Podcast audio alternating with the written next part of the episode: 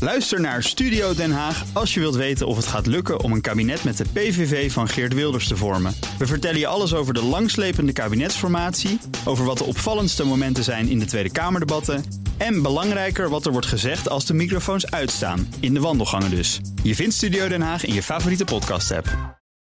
Autonieuws Oh, met Nout Broekhoff van de Nationale Autoshow. Goedemorgen. Ben ik nou zo groot of zijn jullie nou zo klein of staat de tafel zo laag? Ja, we zitten op de grond vandaag. Oh ja, Ja, we hebben ge- we zijn in goede Japanse gewoond om af en toe Oké, gewoon even op de oké, grond te oké. gaan zitten. Een laag Is er model. iets? Ja, goed.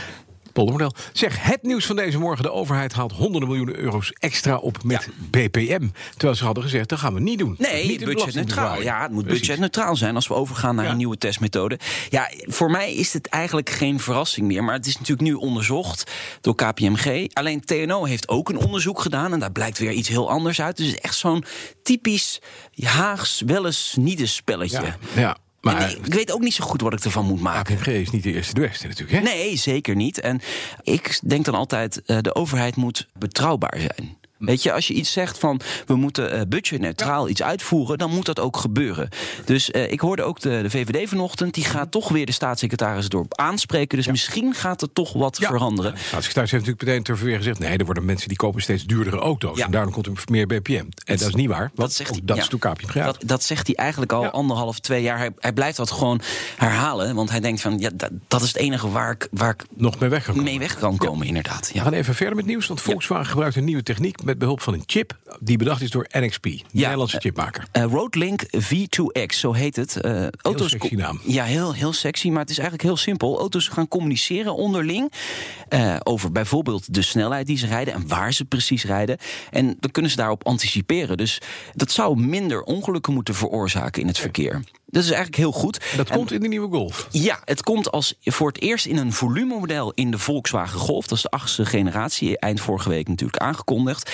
En eh, ja, ze hopen natuurlijk, dus hoe meer auto's die chip krijgen, hoe beter dat natuurlijk is. Want hoe, ja, dan kunnen meer auto's met elkaar gaan communiceren. Dus het is wel van belang dat auto's die chip hebben. Want als ze die niet hebben, dan kunnen ze niet onderling met elkaar Nee, want er is maar eentje, Ja. alleen alle Golfjes. Dus eigenlijk iedereen Ja. moet aan die chip. Van NXP. Ja. Dus Hyundai start een pilot met de legendarische naam Pony. Ja. De Hyundai Pony. Ja, die ken je hem nog? Ja, Ja. zeker. Mooie hatchback was dat. Maar Nou. het heeft echt werkelijk niks te maken met dit hele project hoor. Oké. Ze hebben gewoon ponynaam gebruikt. Het zijn autonome taxis in het zuiden van LA. Kona Electric. Gaap, saai. Heel saaie auto.